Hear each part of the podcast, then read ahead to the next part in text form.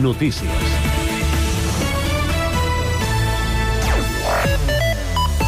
Bona tarda. L'esport Sant Cuatent, que es vesteix de gala avui a partir de dos quarts de vuit del vespre al Teatre Auditori amb la 23a edició dels Premis Esport en Marxa, organitzats per Cugat Mèdia. 36 finalistes s'opten a guanyar les 10 categories existents i amb l'esport inclusiu i adaptat com a temàtica central. La gala es podrà seguir en directe a Cugat.cat, YouTube i en diferit demà a la xarxa Més. L'acte està obert a tothom i amb entrada lliure. Els Premis Esport en Marxa compten amb la col·laboració principal de l'Hospital Universitari General de Catalunya, juntament amb el CAR Sant Cugat, l'Ajuntament de Sant Cugat, HP, GPU i tot Sant Cugat. Avui hem conegut que l'actriu santcuatenca Montserrat Maranges ha mort aquest dilluns. Maranges va estar vinculada a la companyia de teatre amateur Fila Zero amb una trajectòria de més de 25 anys dalt dels escenaris. També va ser col·laboradora del magazín Sant Cugat a fons de Ràdio Sant Cugat. La vella és al tanatori de Sant Cugat fins les 8 del vespre d'aquest dimarts i demà dimecres 28 de febrer es farà la cerimònia de comiat al monestir a les 10 del matí. Les últimes dues moreres que quedaven a la Rambla del Celler, que van sobreviure a, a la urbanització del carrer, han hagut de ser talades per una plaga. L'Ajuntament explica que es tracta de l'escarabat Vespa, que va arribar de l'Àsia a Barberà del Vallès el 2024, des d'on s'ha estès a poblacions veïnes. Aquests dos arbres ja molt antics no han resistit als forats provocats per aquest insecte. Les línies L1 i L11 del servei d'autobús urbà pateix alteracions en el seu recorregut fins al divendres o de març. L'horari d'afectació és de dos quarts de vuit del, vespre, del matí fins a dos quarts de quatre de la tarda. El seu pas pel carrer de Saragossa, al districte de Mirasol, a causa dels treballs de poda que es fan en aquesta via. Les parades que estaran fora de servei seran les del carrer de Saragossa, amb el camí de Sant Cugat, el Papiol i la de l'Institut Escola Catalunya. Les parades més properes a aquests punts, segons informa l'empresa concessionària del servei, són són les del passeig del Baixador amb el carrer de Saragossa i la del carrer de Pompeu Fabra. I passa endavant perquè sigui realitat la passarel·la per a les bicicletes i vianants que connectarà Vullpalleres amb Can Sant Joan. L'AMB ha obert el concurs de projectes per tirar endavant aquesta iniciativa, l'avantprojecte de la qual va rebre el vistiplau de l'Ajuntament al març de 2021. La licitació com les obres aniran a càrrec de l'AMB i fa 3 anys el pressupost previst era de 2,5 milions d'euros. Res més per ara, la informació torna d'aquí una hora a la mateixa sintonia i constantment a internet a www.cugat.cat.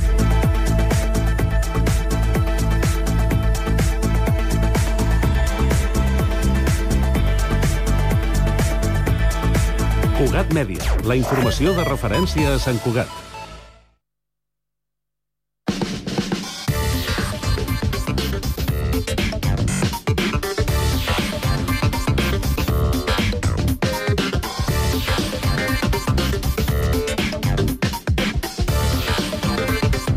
De la tarda, 3 minuts, inici de la segona i última hora d'aquest Connectats de dimarts. Informació de servei, comencem pel trànsit. Eduard Sánchez, bona tarda. Hola, bona tarda. Doncs, eh, de moment, a les vies properes, en principi, sense grans dificultats, més llarg una tarda habitual pel que fa a volum de trànsit. En tot cas, sí que tenim, recordem, aquestes mobilitzacions de les demarcacions de Girona i de Lleida, del sector dels pagesos, tallant diferents artèries principals. Recordem, en el cas de Girona, la P7 a Borrassà, entre Borrassà i Vilademuls, es manté tallada, la Nacional 2 entre Bàscara i Vilamalla, la Nacional 152 a Puigcerdà i també la C38 entre Molló i el Coll d'Ara. En el cas de la demarcació de Lleida també es mantenen diferents punts de tall. A la Nacional 230, en aquest cas, un parell de punts, una al Ferràs i una altra més amunt al pont de Suert. A la C14 a Bassella, a la Nacional 240 i també la A22 al Macelles, i en el cas de l'autovia 2 i de l'autopista P2, a l'autovia 2 diferents punts, a Soses, en els dos sentits, a Vilagrassa en sentit Barcelona i a Tàrrega en sentit Lleida. I en el cas de l'autopista P2 es manté tallat també el tram entre Aitona i Alba Tàrrega, en diferents punts, sobretot en aquests punts de tall, encara nombroses aturades. És tot, bona tarda. Gràcies i bona tarda. Anem ara al Transmet, allà ens espera l'Héctor Molina, bona tarda. Doncs avui dimarts destaquem la línia R3 de Rodalies, on degut a una incidència ja resolta s'han registrat demores durant bona part del matí i ara encara estan en procés de recuperar les freqüències de pas habituals. La resta de la xarxa tant ferroviària com de bus funciona sense cap altra incidència destacable. De moment, això és tot des del Transmet.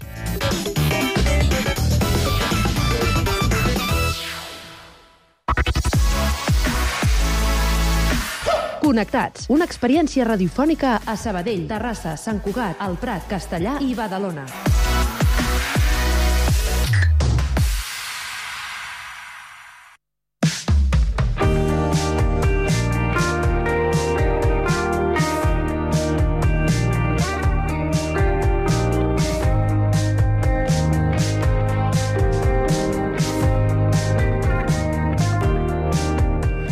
Als estudis de Ràdio Castellà hi tenim el David Triviño. Ell ha escrit i publicat ja tres novel·les. Tot i això, ell es defineix més com a creador que com a escriptor. Ara ens ho explicarà. Bona tarda, David. Bona tarda, què tal? I al seu costat, Jaume Clapés. Què tal, Jaume? Hola, bona tarda. Bona tarda, molt bé. Carme, i tu? Jo molt bé. Estem Estupendo. aquí a l'espera de, de conèixer una mica més del David Triviño, que en la entradeta nosaltres explicàvem que eh, es considera més creador que escriptor, això que, que ens ho expliqui ara mateix. Però jo et preguntaria, David, creador de què? És una bona pregunta per començar. Molt lleugereta, per un dimarts tarda. Aquí, el connectem. Eh? Tens una mica d'aigua al costat? És que... Uh, sí, sí, bueno, sí, hem fet una mica de... de uns orujos, uns orujos abans de començar. Molt bé. No, uh, la veritat és que sóc una mica, ho parlava abans amb el Jaume, una mica antietiquetes. Llavors em costa una mica etiquetar-me o, o quedar-me amb algú amb l'etiqueta més reduïda, no? Eh. Llavors, creador engloba més que escriptor. Jo he dirigit teatre, el Jaume ho sap bé, he fet adaptacions d'obres teatrals, eh, dissenyo els meus cartells, eh, maqueto les meves novel·les, eh, he fet dissenys de portades i també escric. Llavors, Mira. escriptor passa per sobre de la resta, passa creador...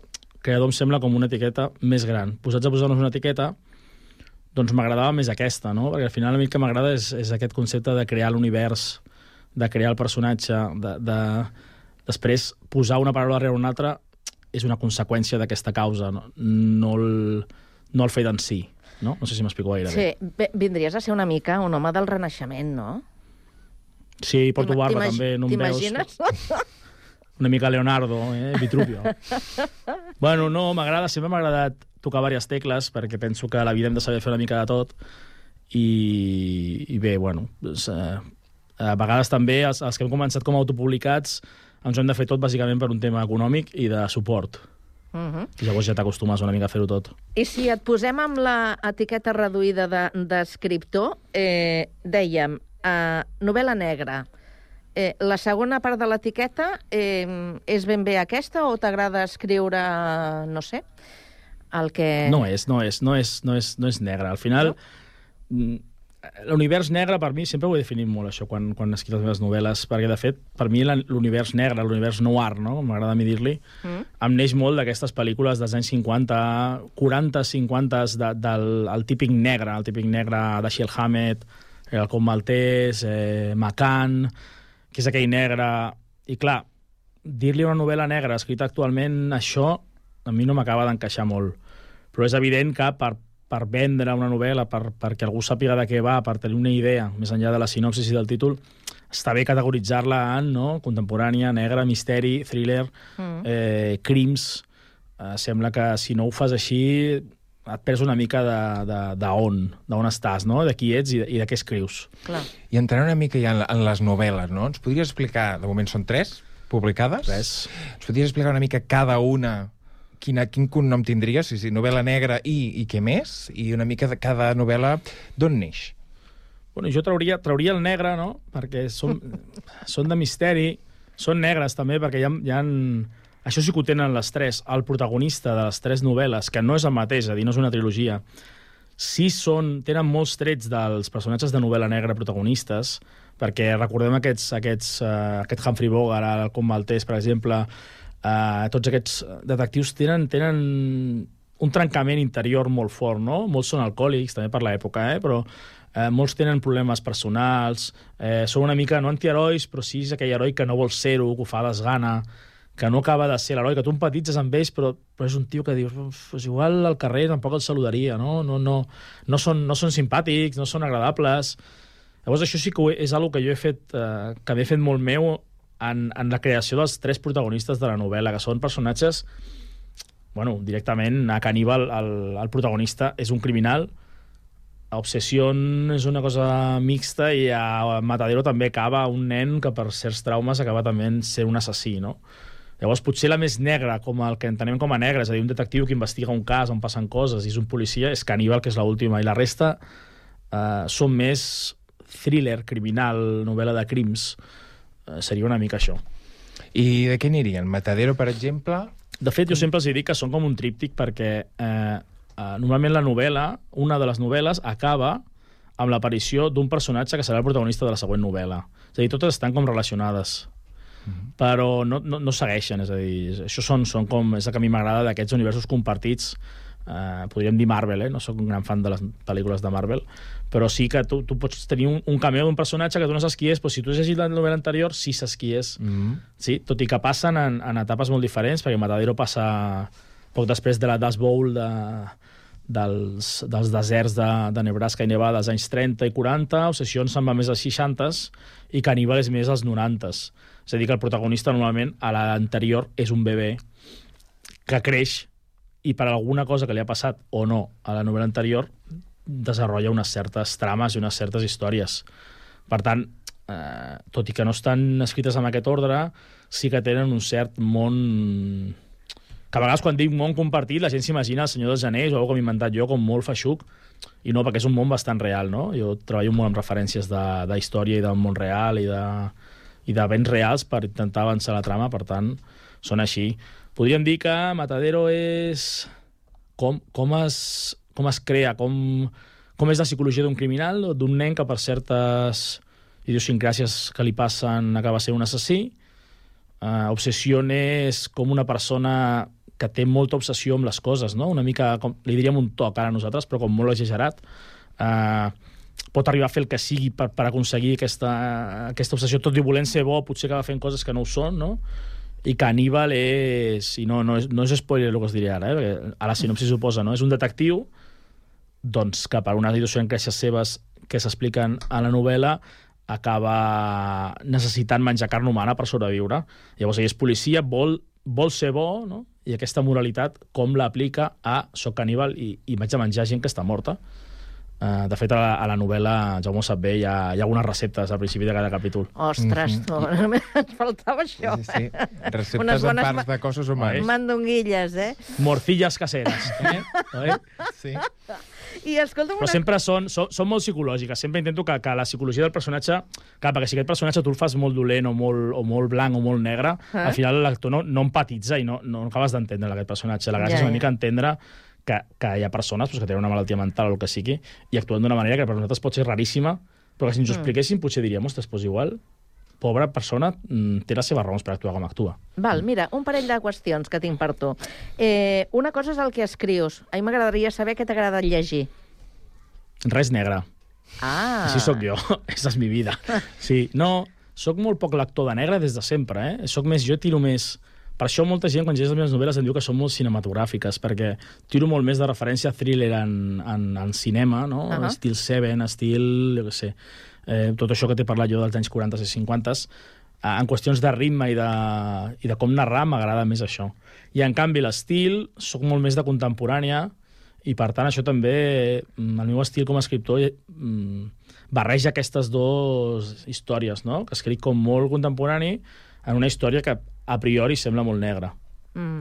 I l'altra qüestió, que també és, és molt evident. Eh, hem parlat de Matadero, Obsession i Caníbal. En castellà, t'és més fàcil? Sí. Sí?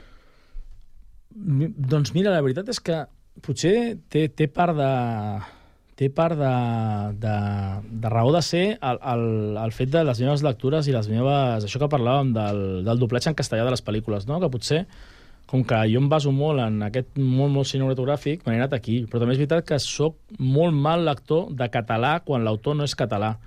Però també sóc molt mal lector de castellà quan l'autor no és castellà. Acostumo a anar-me a la versió original si puc. Mhm. Amb les pel·lícules també ara ja, eh? Però, llavors, clar, trobo que la meva veu en català no m'acaba de convèncer. Llavors l'haig de treballar, és simplement una qüestió com aquesta. També és veritat que s'obre un mercat diferent, eh, Clar. Mhm. en qüestió de màrqueting, per Sí, vendre sí. a Sud-amèrica, sobretot amb el mercat Amazon, eh, és molt potent això. I- Clar, perquè la, te- tens, tens els, els llibres els tens a, tots per vendre online. Sí, bueno, Caníbal està distribuïdora, és d'editorial tradicional, per tant es pot demanar a qualsevol llibreria d'Espanya i alguns països de Llatinoamèrica eh, doncs de distribuïdora com si fos un llibre d'anagrama o un llibre d'una altra editorial. Um, has dit que has fet teatre. Què t'ha portat al teatre en aquest en, eh, com a creador? Doncs no ho sé, jo era... Jo sempre, ara ho penso molt, no? Penso, quan no tinc temps per fer teatre perquè estic escrivint novel·les, penso que... que i, I tu saps molt bé, Jaume, que eh, és molt immediat el teatre, no?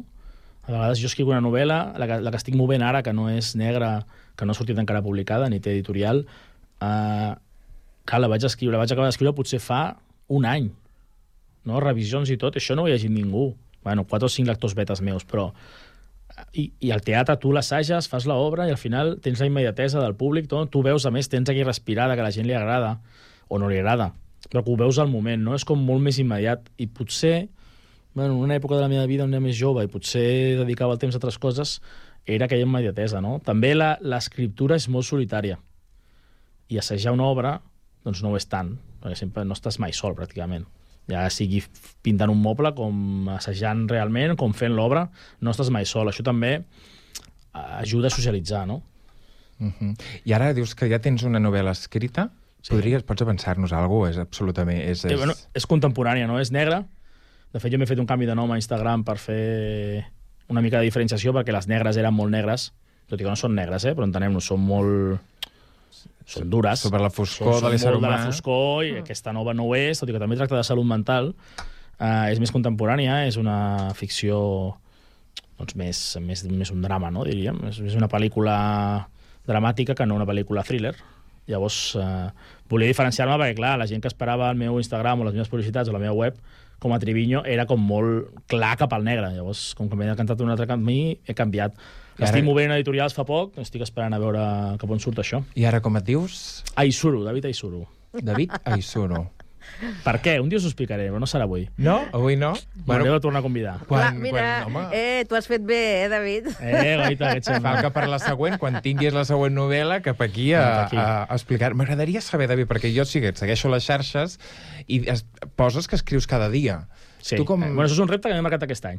Vale, és, però és un procés creatiu d'una novel·la o simplement escrius? No, perquè tinc diverses coses. Tinc diverses coses. Eh, tinc una obra de teatre que estic escrivint. Uh, de fet, en tinc dos, però estic allà. Estic escrivint una novel·la que no és una novel·la, sinó que són molts microrelats que formen una novel·la, o sigui, formen una sola història. Eh, estic també en una novel·la i m'estic documentant per una tercera novel·la. Perquè aquí barregem moltes coses. Llavors, depèn del temps que tinc, mm, un dia doncs, em tiro més a la novel·la, un dia em tiro més a, a fer un microrelat, no? que, que et requereix potser més concentració i més mala llet, perquè tu vols que tingui tantes paraules i no t'acaba de quadrar, i la novel·la potser flueix més, i en canvi el microrelat el vols acabar com més engestit en aquell moment, llavors tinc dies una mica de tot.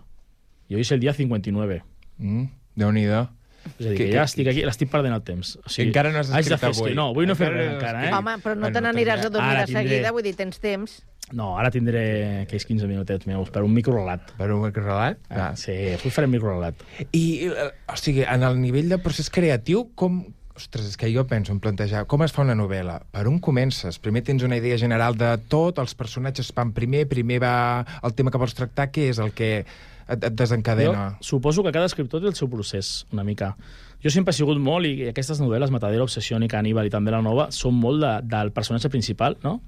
Del que jo vull expressar sobre ell i què haig de fer que li passi perquè aquest personatge no només s'entengui, sinó que arribi on jo vull que arribi, no? en aquest procés vital seu. Uh -huh. Per tant, tot el que li acostuma a passar, a part de ser entretingut o d'avançar la trama, intento que tingui una relació amb eh, què vull explicar. Per això sí que sempre intento amagar, entre cometes, una, una trama com més reflexiva, un, una reflexió com més, no només de moralitat, sinó de, de com funciona el món, etc dins d'aquestes novel·les com més entretingudes. Hi ha gent que l'ha pillat, sí, hi ha gent que no, sí, clar.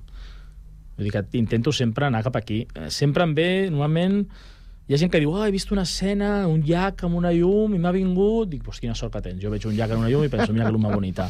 I no em penso una novel·la. Però, en canvi, un personatge... O sigui, aquest personatge que fa això, per què ho ha fet?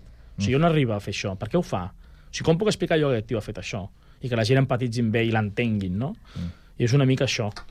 El, la nova novel·la té una mica de salut mental i de com de com s'intentava curar, entre cometes, de salut mental a, doncs, a diferents èpoques i de com els estigmes doncs, del síndrome de Down, d'una persona amb una psicosis, de com eren les, les descàrregues elèctriques. Eh, la segona part de la novel·la passa a una Barcelona molt propera de l'any 92, quan les preolimpiades... Eh, és, bastant, és bastant així. Eh, llavors, m'interessa el que li passa a aquest personatge i per què a la seva salut mental passa per on passa. Llavors, dins d'això és anar omplint eh, què necessites que et passi perquè jo entengui com a lector que això t'està passant. Uh -huh. Veig que hi ha com temes recurrents, eh, en, la, en les teves... en, en les novel·les. Sí. Hi ha com tota una part, no?, de la, de la psique. És que, clar, jo això no ho he explicat, però m'agrada molt sempre escric en, en primera persona. Ah, mira. Llavors, clar, penso que la gràcia una mica d'aquesta primera... És que la tercera persona em fa com a ràbia, perquè és, és com aquell... T'allunyes. No? És, aquell, és aquell omniscient no? Sí. que, que ho sap tot. I a vegades, en primera persona, a vegades va molt malament pel thriller. Perquè, clar, Perquè desvetlles. no pots desvetllar, o sigui, pots... Clar, has de saber jugar amb això, però al mateix temps eh, no, el lector no se sent enganyat. Mm. Perquè si un, un, un omniscient explica una novel·la de terror sabent com acaba, ho sap tot, no? I en canvi no t'explica això, a vegades com a lector dius, ostres, m'has enganyat tota l'estona perquè tu saps que sabies el que passava. En canvi el personatge no ho sap i per tant jugues més. Per tant jo intento també, suposo que com que busco temes molt reflexius i molt de la psique, la primera persona em funciona molt bé. Hem d'anar hem d'anar acabant. D'anar acabant. Quina, qui, quina cançó ens has portat per, per tancar... Doncs mira, una cançó que m'agrada molt, quan, quan em veu preguntar una cançó va ser la primera que em va venir al cap. Eh, podria haver sigut una fricada més gran encara, perquè la primera que em va venir al cap podria haver sigut, eh, no sé, eh, Ojete Calor, però no. Meravellós. Ojete sí, Calor. però no va ser. I us he portat una de The Veils, The Tide That Came and Never Came Back, 2000, inicis del 2000, és la meva alarma despertador. Ah, Mira, ah mira. ja, ja hem conegut alguna sempre, cosa més. Va amb mi, sempre, sempre va amb mi. Molt bé, David.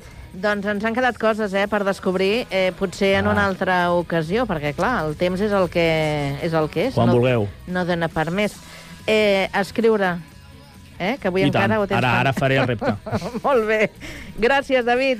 Gràcies a vosaltres. Bona tarda. Adéu, Jaume. Bona tarda. adéu. Bona tarda, Carme. Adéu.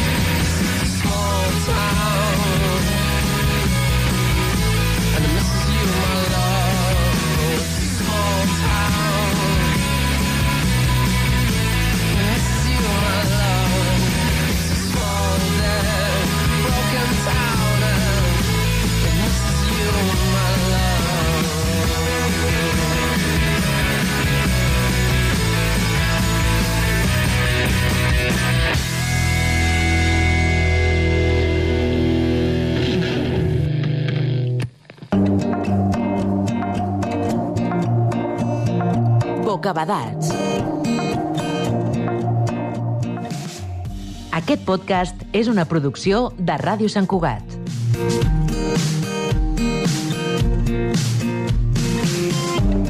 Un cop més, els alumnes del Servei Local de Català han posat fil a l'agulla per crear contingut i llançar-lo a les zones a través de set veus que es poden sentir amb diferents accents de l'Argentina, Colòmbia, Perú i l'Equador.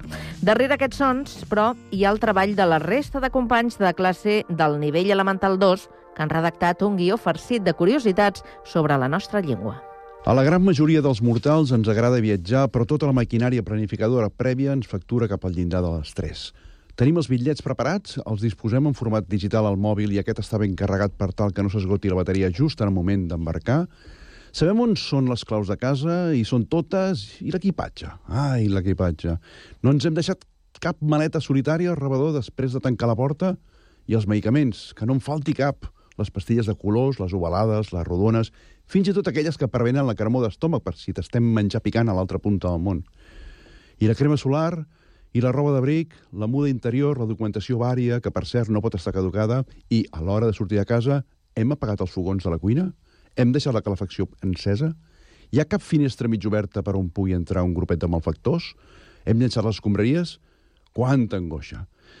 Sort que tenim la intel·ligència artificial per ajudar-nos en aquests moments tan difícils. Només cal preguntar-li com gestionem l'estrès que provoca els preparatius d'un viatge i de seguida obtenim la resposta. Escrivim una llista de tasques, prioritzem les més importants, planifiquem amb prou antelació, deleguem, fem servir eines de planificació, acceptem ajuda per no carregar-nos tot el mort, mantenim una actitud positiva i així, només així, tot anirà sobre rodes, maletes incloses, amb calma i ordre, com l'anell al dit.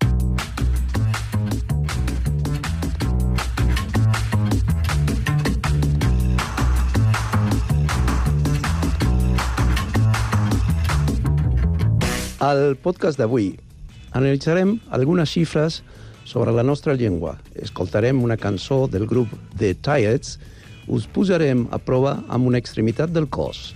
Us recomanarem la lectura d'un clàssic de la literatura catalana. Entrevistarem un expert en llengua de signes catalana i unes quantes coses més. Sabies que... Segons dades de l'última estadística elaborada per l'Institut d'Estadística de Catalunya, l'IDESCAT, el 67,5% de estrangers que viuen aquí saben parlar català i un 57% pot escriure. Aquests números són realment interessants si considerem el paper del català en la integració social. Exacte, i si ho comparem amb la població espanyola a Catalunya, veiem una diferència significativa, un 98 86,3% dels espanyoles entenen el català i un 86,5% poden escriure. Això ens mostra com l'idioma pot ser un punt entre cultures. Ara, si parlem de la lectura, el 72,9% dels estrangers saben llegir català. També, segons l'ISDESCAT, al 2022 hi havia 1.271.810 estrangers a Catalunya, la qual cosa representa un augment del 1,7% respecte del 2021. La majoria es troba en el rang d'edat de 15 a 64 anys. I no oblidem que l'origen d'aquesta població estrangera és variant. Dades.gov.cat mostra una gran diversitat d'orígens. Vaja, realment Catalunya és un cau de cultures. I parlant de cultura, l'idioma és un component crucial. El diari El País informa que l'ús del català ha crescut, amb un 81,2% de la població que ara el parla. Això és un punt clau, ja que la llengua català és un element de cohesió social i cultural. I una curiositat més. Sant Cugat del Vallès és el municipi amb més proporció de població que entén el català, 98,3%, i que sap llegir-lo, 93,5%. I per concloure, en cada estranger hi ha una història i una motivació per aprendre català, cosa que enriqueix no només les persones, sinó també el desenvolupament de la cultura. Sentim-la. No ho puc evitar ja no sé com fer-ho, m'ha arribat a les mans. Un coti ben salsero que ha mogut tot el mercat. No me'l puc treure del cap. Si vols aquest secret, doncs per tres l'has de canviar. No ho puc evitar, ja no sé com fer-ho, m'ha arribat a les mans un coti ben salsero que ha mogut tot el mercat. No me'l puc treure del cap. Si vols aquest secret, doncs per tres l'has de canviar. No em vull saber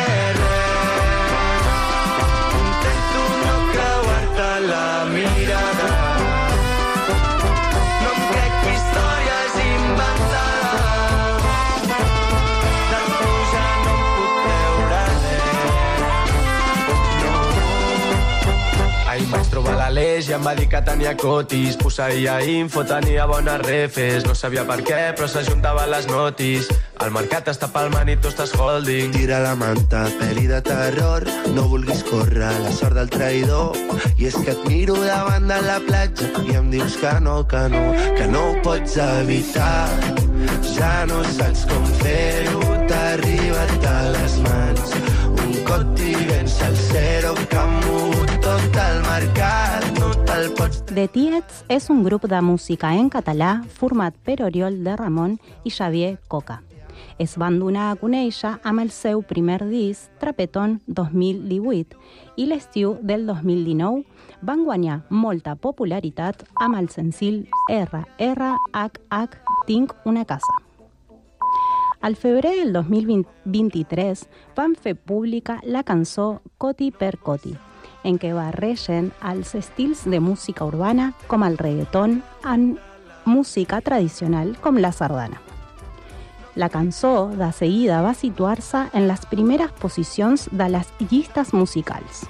Setmanes més tard, i al llarg del mes de juny, The Tiets es va convertir en el primer grup en català de la història en aconseguir un milió d'oients mensuals a la plataforma Spotify.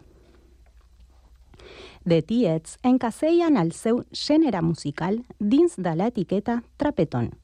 Les seves lletres destaquen per ser humorístiques i per fer referència a la tradició musical de la sardana. A la cançó Coti per Coti, els tiets fan servir no només trets de la música catalana, sinó que converteixen la sardana en una cançó moderna. Arran d'això, el públic ha rebut la cançó més que entusiasmat, mentre comentava a les xarxes socials per fi hem tornat a les nostres arrels. Posa't a prova. El català és una llengua molt antiga. La parlen més de 9 milions de persones a Catalunya, Andorra, València, les Illes Balears, a la part ori- oriental d'Aragó i a la ciutat sarda de l'Alguer. I es parla a tants llocs com frases fetes té. Segurament les frases que us diré ara ja les heu escoltat alguna vegada pel carrer o amb amics i família. Es tracta de frases fetes amb la paraula peu. Us sorprendrà com amb aquest mot tan senzill es poden construir tantes frases, però us volem posar a prova. A veure si sabeu el significat de les frases següents. Amb peus de plom, a peu pla, no tenir ni cap ni peus, pensar amb els peus, ficar-se de peus a la galleda, a peu coix. A veure, hmm. amb peus de plom és amb cautela? Sí. A peu pla vol dir sense desnivell arran de terra? Sí. No tenir ni cap ni peus és no tenir gaire sentit? Sí. Pensar amb els peus és prendre una decisió equivocada? Sí. Ficar-se de peus a la galleda significa dir o fer una cosa inconvenient? Sí. I a peu coix? A peu coix vol dir posar només un peu a terra? Sí.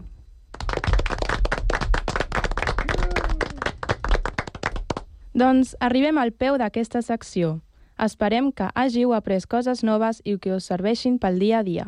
Si voleu posar-vos a prova amb més curiositats lingüístiques, aneu a la secció Posa't al dia del nostre web cpnl.cat barra Sant Cugat. N'hi trobareu més. L'hora del lector. Avui us recomanem la lectura d'un clàssic de la literatura catalana, Aigües encantades de Joan Puig i Parrater. Primer a tot, cal dir que és una obra modernista que destaca la importància de la natura. Per tant, aquest element és el tema central. D'altra banda, hi ha idees i valors positius associats a la modernitat, al progrés i a la individualitat. I després, els valors negatius que prevenen del món més conservador.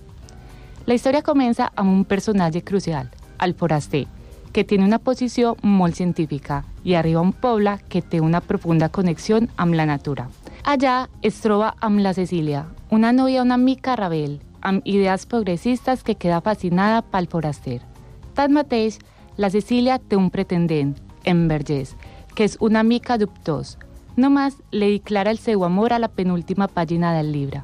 El pare de la Cecília, Pere Amat, és el propietari rural de, que defensa molt la tradició i desconfia dels forasters. En canvi, la mare de la Cecília, Juliana, és una mica més conciliadora. Observa les paraules d'aquell foraster per decidir què fer, amb prudència. També hi ha el Montseny Gregori, rector del poble i que insisteix en els valors cristians, tot afirmant que l'assassí del foraster són dimonis que venen a portar la desgràcia al poble. El foraster arriba al poble enmig d'una gran sequera Hi ha uns gors plens d'aigua meravellosa, verda i deliciosa. Però la gent del poble no vol explotar-los perquè considera que tenen valors religiosos. És per això que els anomenen aigües encantades i el foraster explica que ja n'hi ha prou d'esperar un miracle. La gent es posa molt nerviosa i el fa fora a pedregades.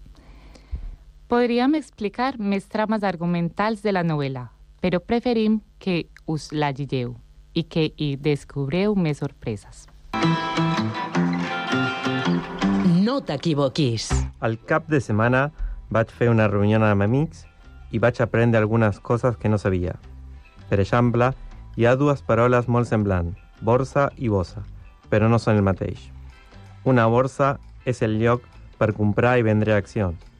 Si vas al mercat, en canvi, no portes una borsa, sinó una bossa, que és el saquet de plàstic. Sí, yo també he après algunes coses. No sabia que la frase anar a fira es diu per parlar d'una parella que tindrà un fill. És estrany, perquè sembla una altra cosa, oi? I tant, és com quan diu ple de gom a gom per parlar que hi ha molta gent a un lloc. També he après que no he de dir ojalà, perquè en català es diu tant de bo.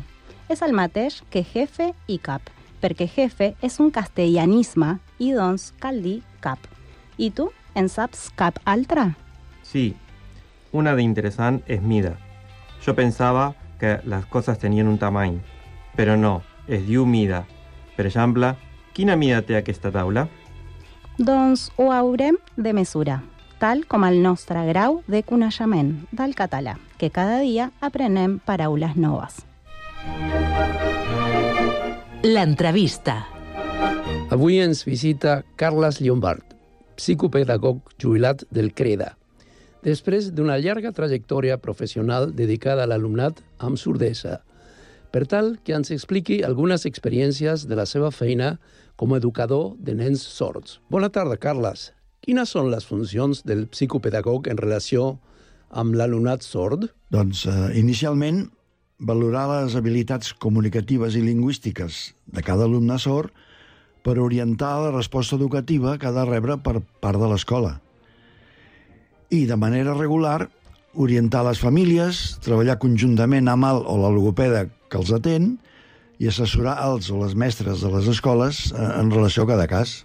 Quant de temps es necessita per aprendre les llengües de signes? La llengua de signes catalana és la mateixa que les altres? No, no, no ho són. Molta gent pensa erròniament que la llengua de signes és universal, però n'hi ha moltes. Es creu que unes 300 de tot el món. I estan organitzades per famílies, com les orals. Per exemple, la francesa i la nord-americana són de la mateixa família, cosa que no ho són el francès i l'anglès nord-americà orals. A Espanya existeix la llengua de signes espanyola i la llengua de signes catalana. I la llengua de signes galega es comença a reivindicar com a diferent de l'espanyola. Bé, sempre es poden fer cursets per aprendre allò més bàsic, però si s'estudia com un cicle formatiu de grau superior en un institut, són 2.000 hores repartides en dos anys. I, si s'estudia a nivell universitari, és una carrera de quatre cursos acadèmics. Ens pots explicar alguna anècdota curiosa de la teva experiència en la teva tasca com a psicopedagog? Sí, jo treballava també amb nens oïdors amb greus dificultats de llenguatge. I una vegada una escola va enviar un nen xinès de 3 anys dient que era un trastorn de llenguatge perquè no deia mai res i quan se li preguntava no contestava. Jo el saludo, dic, ni hao, i em contesta, wo hen hao. Ah, ostres, eh, eh, li dic, wo, eh, wo, wo xe Carles, ni ne. I em contesta, wo xiaoli. Ostres, li, li pregunto a la mare, dic, ¿pero el niño habla chino en casa? Y responde, sí, habla. Dic, pero, pero habla bien. Y contesta, sí, sí, habla bien chino. Llavors li vaig dir a l'escola, en Shaoli no té cap trastorn de llenguatge, és xinès. I contesten, oh, però és que ja fa tres anys que viu aquí i no diu res ni en català ni en castellà. I contesto, sí, però és que en aquests tres anys no ha sortit de, de casa seva. I aquesta anècdota em fa pensar que hem de ser curosos i empàtics amb les circumstàncies de la gent que ve viure al nostre país. Moltes gràcies, Carles, per donar-nos aquesta informació tan interessant sobre un tema que la majoria de nosaltres no coneix gaire bé. I arribem a la fi del programa que un cop més ha estat elaborat pels alumnes del Servei Local de Català de Sant Cugat del Vallès. Més concretament, dels alumnes del nivell elemental 1. La tria dels continguts, el guió escrit i les veus que heu escoltat han estat possibles gràcies a l'enginy de la Mariana, la Rebeca, el Marcos, la Blanca, el Pedro, el Carlos, la Itziar, la Paola, la Delaira, la Carol, la Caterina, el Daniel, la Romina, la Laura i la Lucero. Gràcies per haver-nos escoltat i fins ben aviat. Hola, sóc el Marc Carbós del Prat de Llobregat i la sèrie que us recomano és El Ministerio del Tiempo. La sèrie ens introdueix a l'Espanya de 2015, on un bomber que es diu Julián, trastornat per la mort de la seva dona, haurà d'acceptar un treball secret del govern. Aquest consistirà a protegir el secret més gran d'estat del país, el viatge en el temps, i que ningú canvi el passat al seu benefici propi. És per això que a cada episodi de la sèrie veurem on ell i els seus companys de patrulla protegiran la història del nostre país.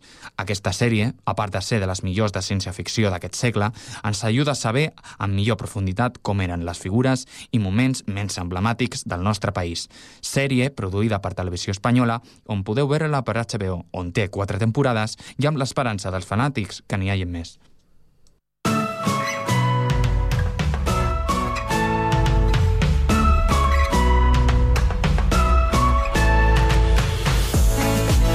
Tram final d'aquest eh, Connectat serà per parlar de cultura i del cicle de cultura Primavera de llibres i lletres.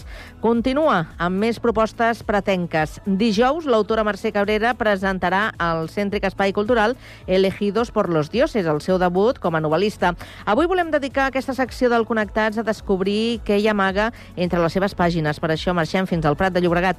Rocío Santaufèmia, bona tarda. Bona tarda! Aquesta és la història de com deu escollits s'enfronten a la incertesa del destí, trobar la poció de la immortalitat i resoldre les diferències de dos pobles enemics. Avui ens trobem amb la pretenca Mercè Cabrera per conèixer en detall aquesta història de fantasia juvenil. Mercè, bona tarda. Hola, molt bona tarda. Uh, la primera pregunta que et volia fer és què ens, pots, eh, què ens pots desvetllar mm, de la que és, de fet, la teva primera novel·la, perquè parlàvem, no? Tot comença amb una ordre profètica del Déu de la Unió, però quina és la història? Què podem explicar?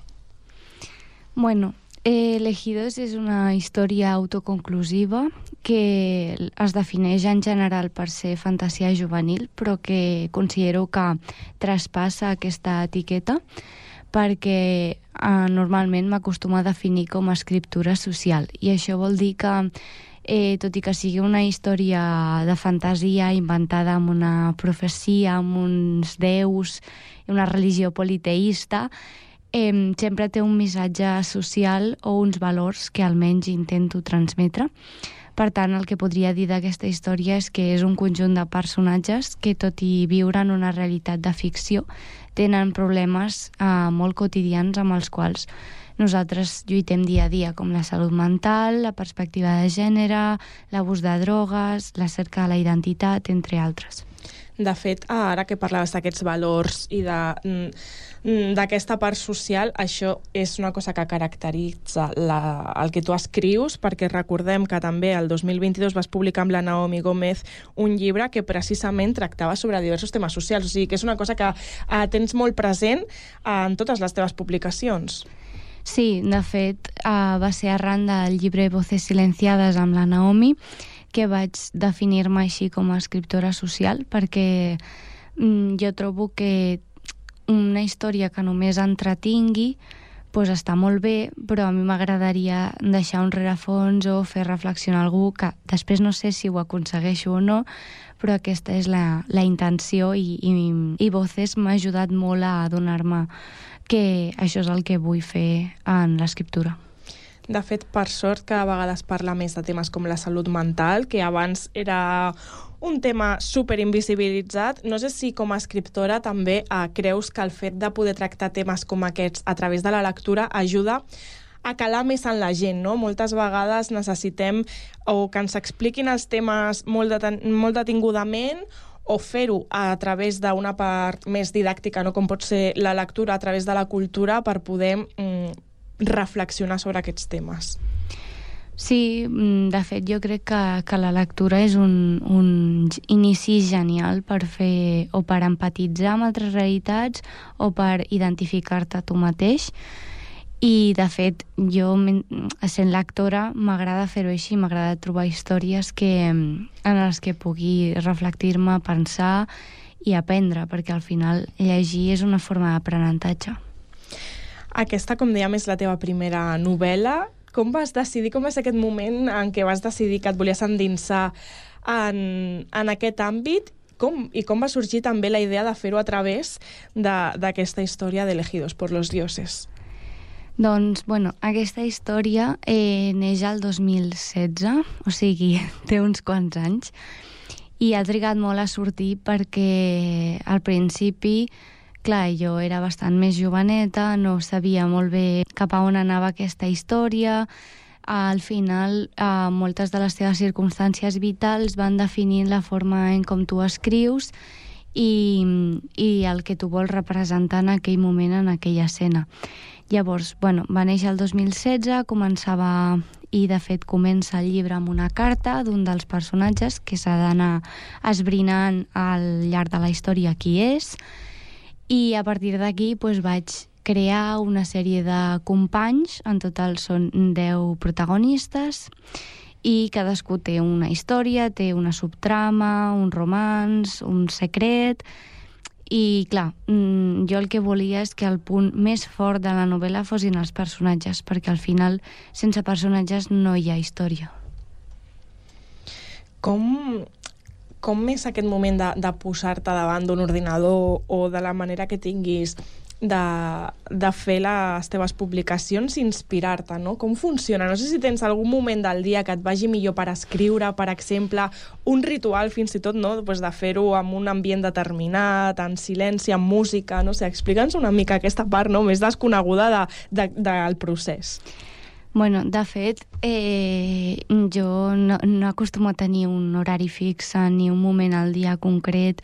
Són idees que em venen a classe, al metro, perquè bueno, ara estic estudiant Medicina, mm. però en el moment en què vaig començar aquesta història estava a l'ESO, sempre m'he pres molt en sèrio els estudis, també feia atletisme com a extraescolar i anglès, etc. No tenia com massa temps per establir una rutina, així que sobretot a tema estius, vacances i de fet Elegidos va començar escrivint la mà, o sigui, uh -huh. mm, i de fet tinc encara els papers i tal, però ja va haver-hi un moment que vaig dir si això vol sortir perquè vull que sigui la primera, perquè eh, tinc escrits més projectes i de fet porto sempre més d'una història a la vegada, però volia que aquesta fos la primera mm, ja sí que vaig decidir fer-ho a ordinador perquè evidentment a mà no, no es podia mantenir.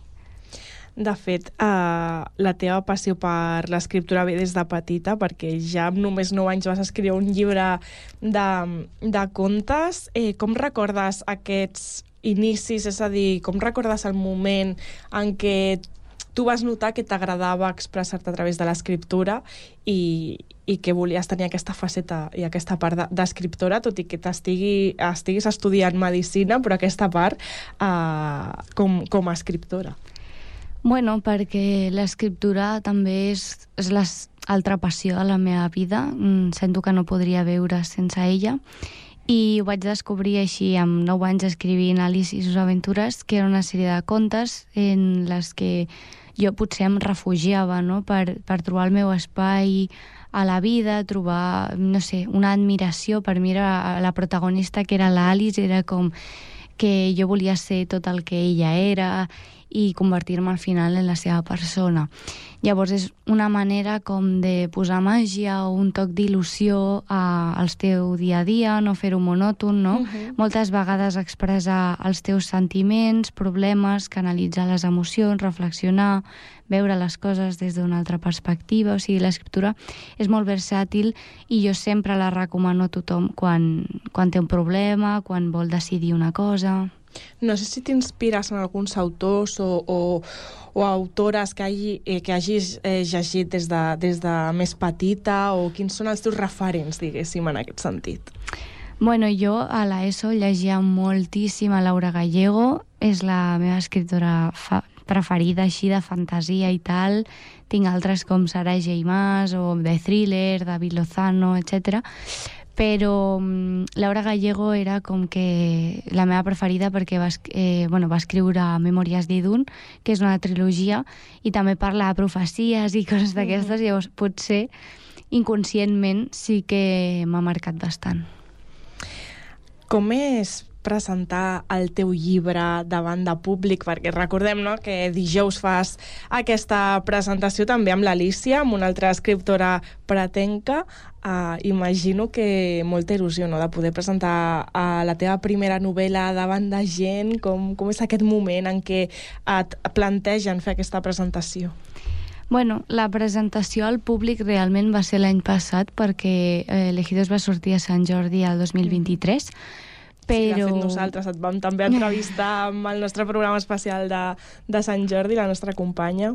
però, mm, però bueno, això és com una mica més formal i el cèntric, és com l'emblema de la cultura i la biblioteca i juntament a fer-ho amb l'Alicia pues, la veritat que em dona molta il·lusió perquè al final també és una companya que ha passat més o menys pel mateix procés perquè també va participar al Tinta Blava i va guanyar com jo i ara formem part de, de l'associació i bueno, és un moment de moltíssima il·lusió i potser imposa una mica perquè al final el públic jutjarà o la novel·la ja deixarà de ser teva per ser part del públic.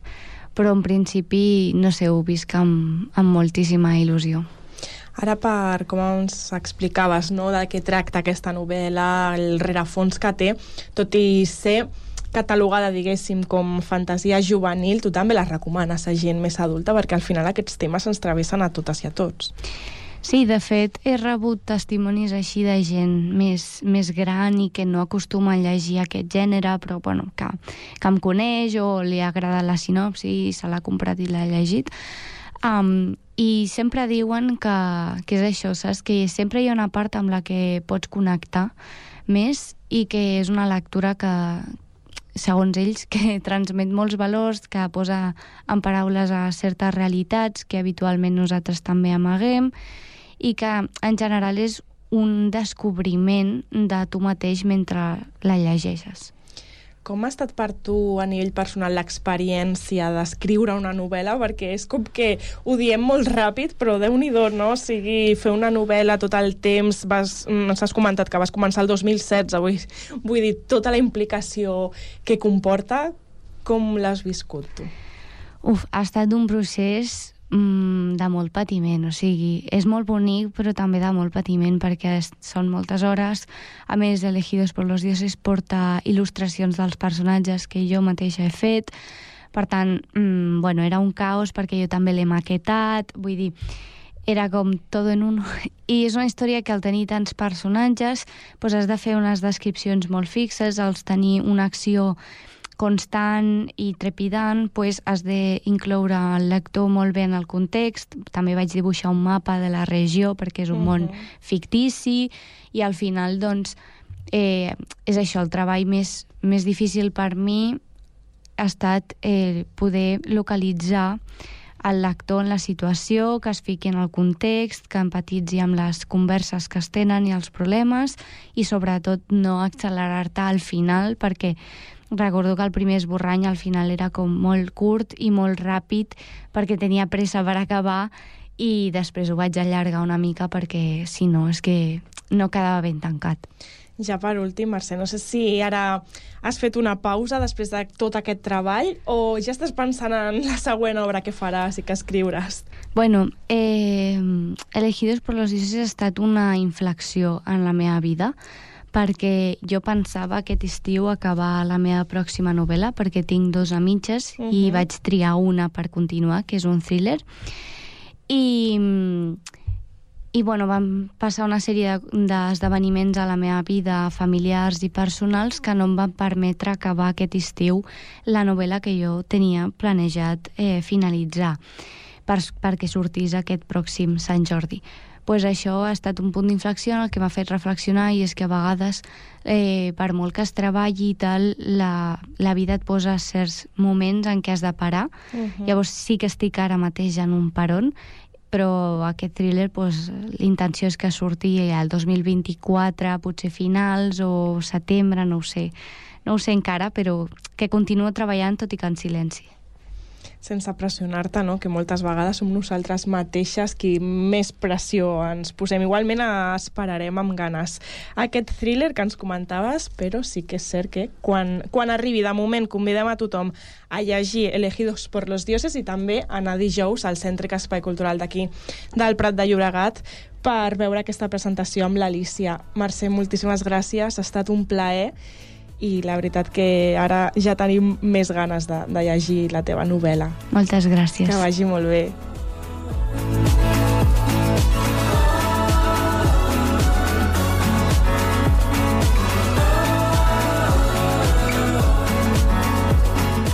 Bé, doncs avui el Connectats al sector de la literatura ha estat, eh, podríem dir que àmpliament representat. Hem parlat eh, amb un escriptor a castellà i ara, per acabar, el Connectats des del Prat de Llobregat. Gràcies a tots per haver-nos acompanyat demà més i esperem que millor a partir de les 4 i 3 minuts, edició de dimecres del Connectats. Bona tarda a tots.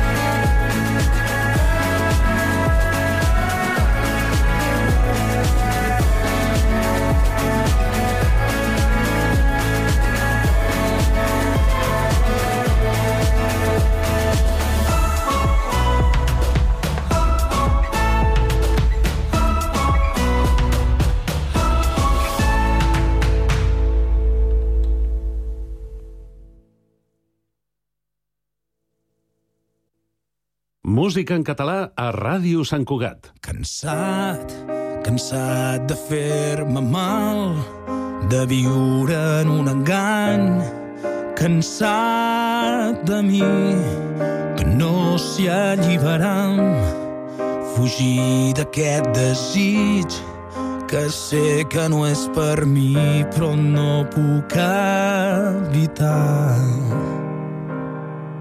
Cansat d'aquesta soledat, d'haver-me enamorat del pas del temps que fa caure en l'oblit allò que va ser etern, cansat de veure-ho clar, però no saber escapar. No és massa tard